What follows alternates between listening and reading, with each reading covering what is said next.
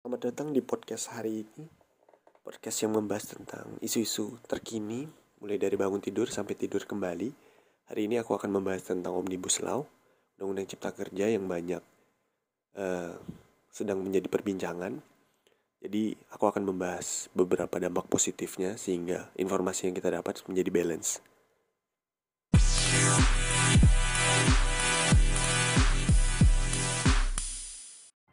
Ya jadi hari ini aku mau bikin podcast tentang Omnibus Law tentang Undang-Undang Cipta Kerja yang baru disahkan kemarin. Ada beberapa poin yang mengganjal hati uh, dan pikiranku. Permasalahannya bukan di undang-undangnya, tapi lebih kepada orang yang men-share tentang Undang-Undang Cipta Kerja ini tanpa membaca secara utuh makna dan maksud dari Undang-Undang Cipta Kerja ini persoalannya kan banyak yang men-share uh, ini akan merugikan pihak pekerja, buruh dan lain-lain. Tapi adakah kita melihat dari dampak positifnya? Nah, kali ini aku mau membahas dari sisi positif dari Undang-Undang Cipta Kerja ini sehingga informasi yang kita dapat itu bisa berimbang ya.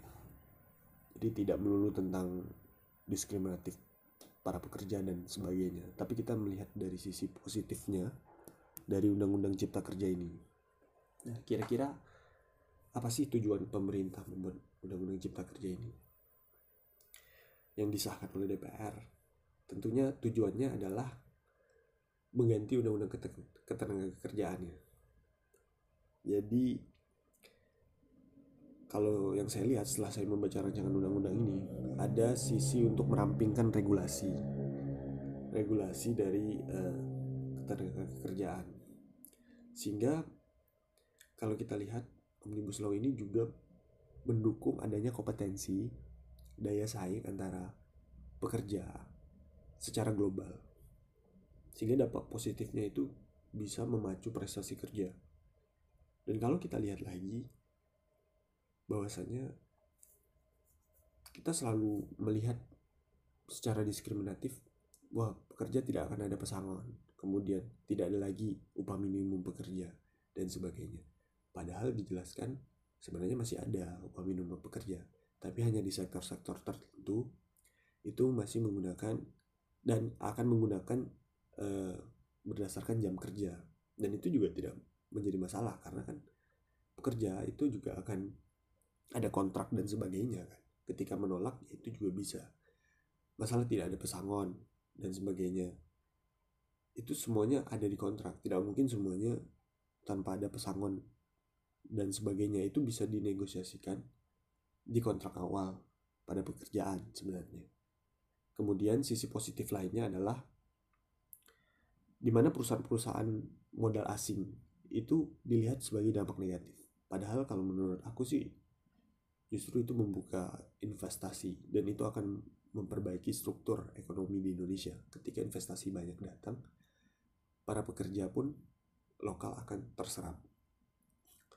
Karena investor dari luar itu memiliki uh, sumber daya yang lebih besar, sumber daya secara modal ya. Kemudian para pekerja juga dalam undang-undang terbaru ini diubah mindsetnya untuk menjadi seorang pengusaha dibanding menjadi seorang pekerja di sebuah perusahaan.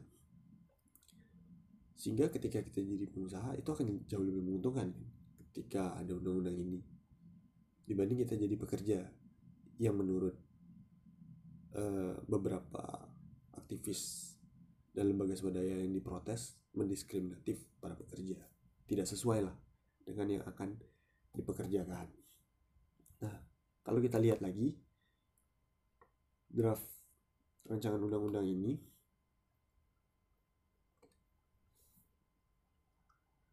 saya berharap uh, pemangku kepentingan serikat buruh, serikat pekerja dan orang-orang aktivis yang menolak untuk disahkan undang-undang ini atau teman-teman saya yang share di media sosial.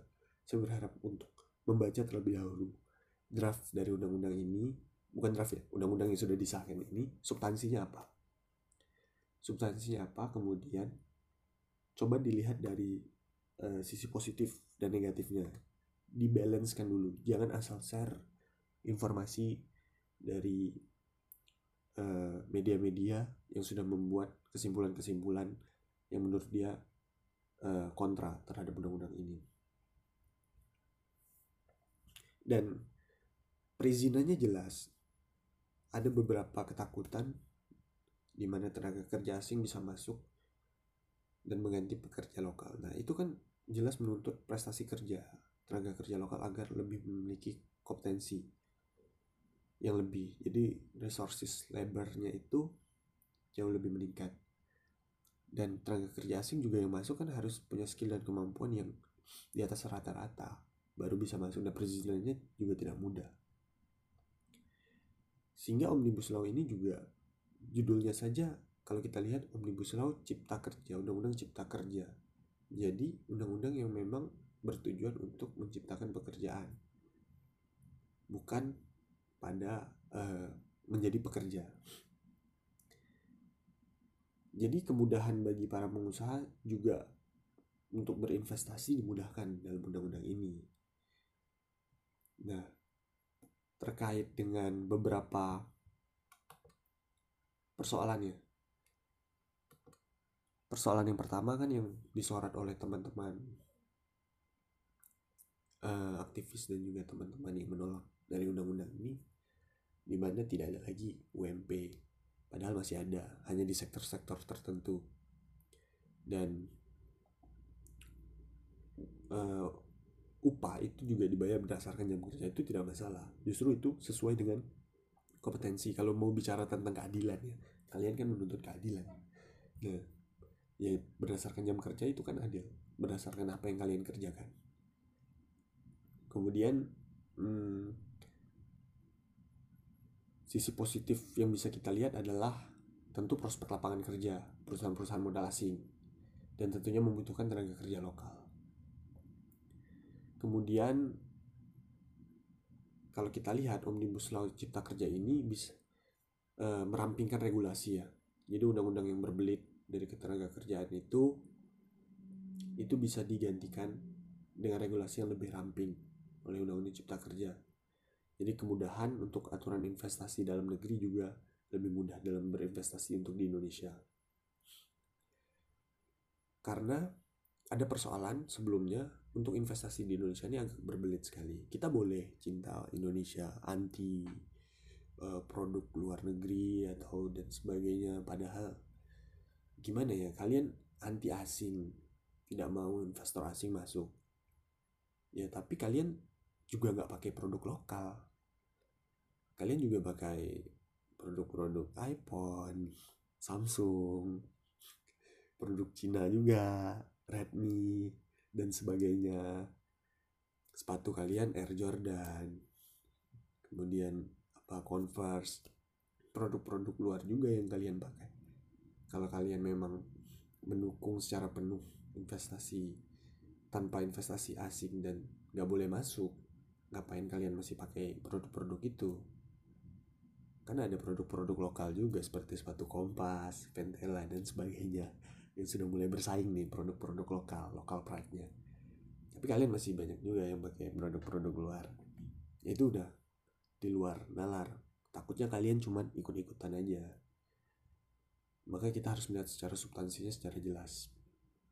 Nah kemudian masuknya investor ini tentu itu juga akan mengakibatkan pertumbuhan ekonomi ya karena kita punya target pertumbuhan ekonomi di atas 5,5 persen ya. Dan di tahun 2030 ditambah bonus demografi kita uh, mampu menjadi salah satu negara yang punya ekonomi terkuat. Dan masuk empat besar ya menurut penelitian.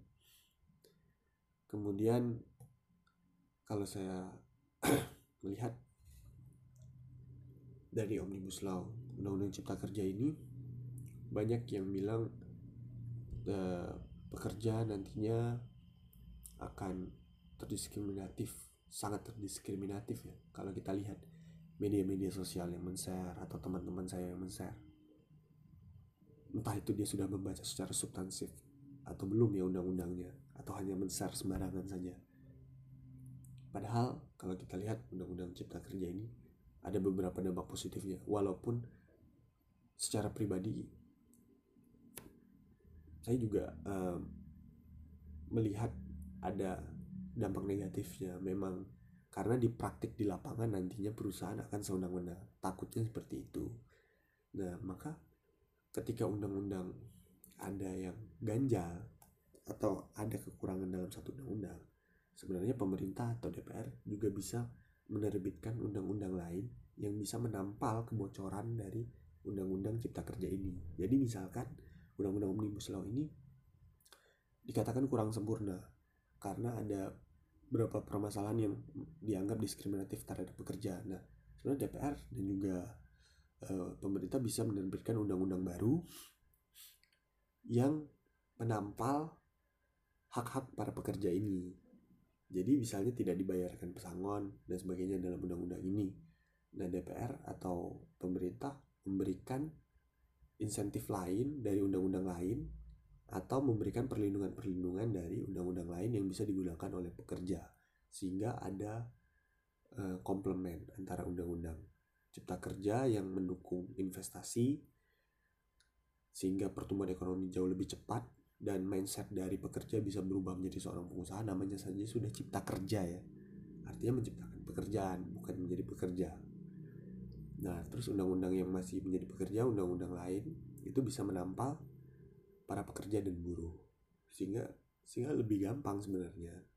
Jadi tidak perlu bicara tentang disahkan atau tidak, tapi kita bisa bikin undang-undang lain kan dari pemerintah inisiatif lain. Nah, seperti itu. Pendapat dari aku sih seperti itu sih menarik undang-undang omnibus law ini. Jadi tidak hanya melihat dari sisi negatif, tapi coba kita lihat dari sisi positifnya juga sehingga balance.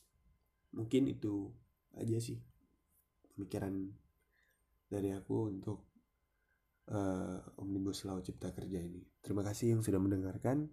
Semoga dapat insight baru dari uh, podcast hari ini. Bye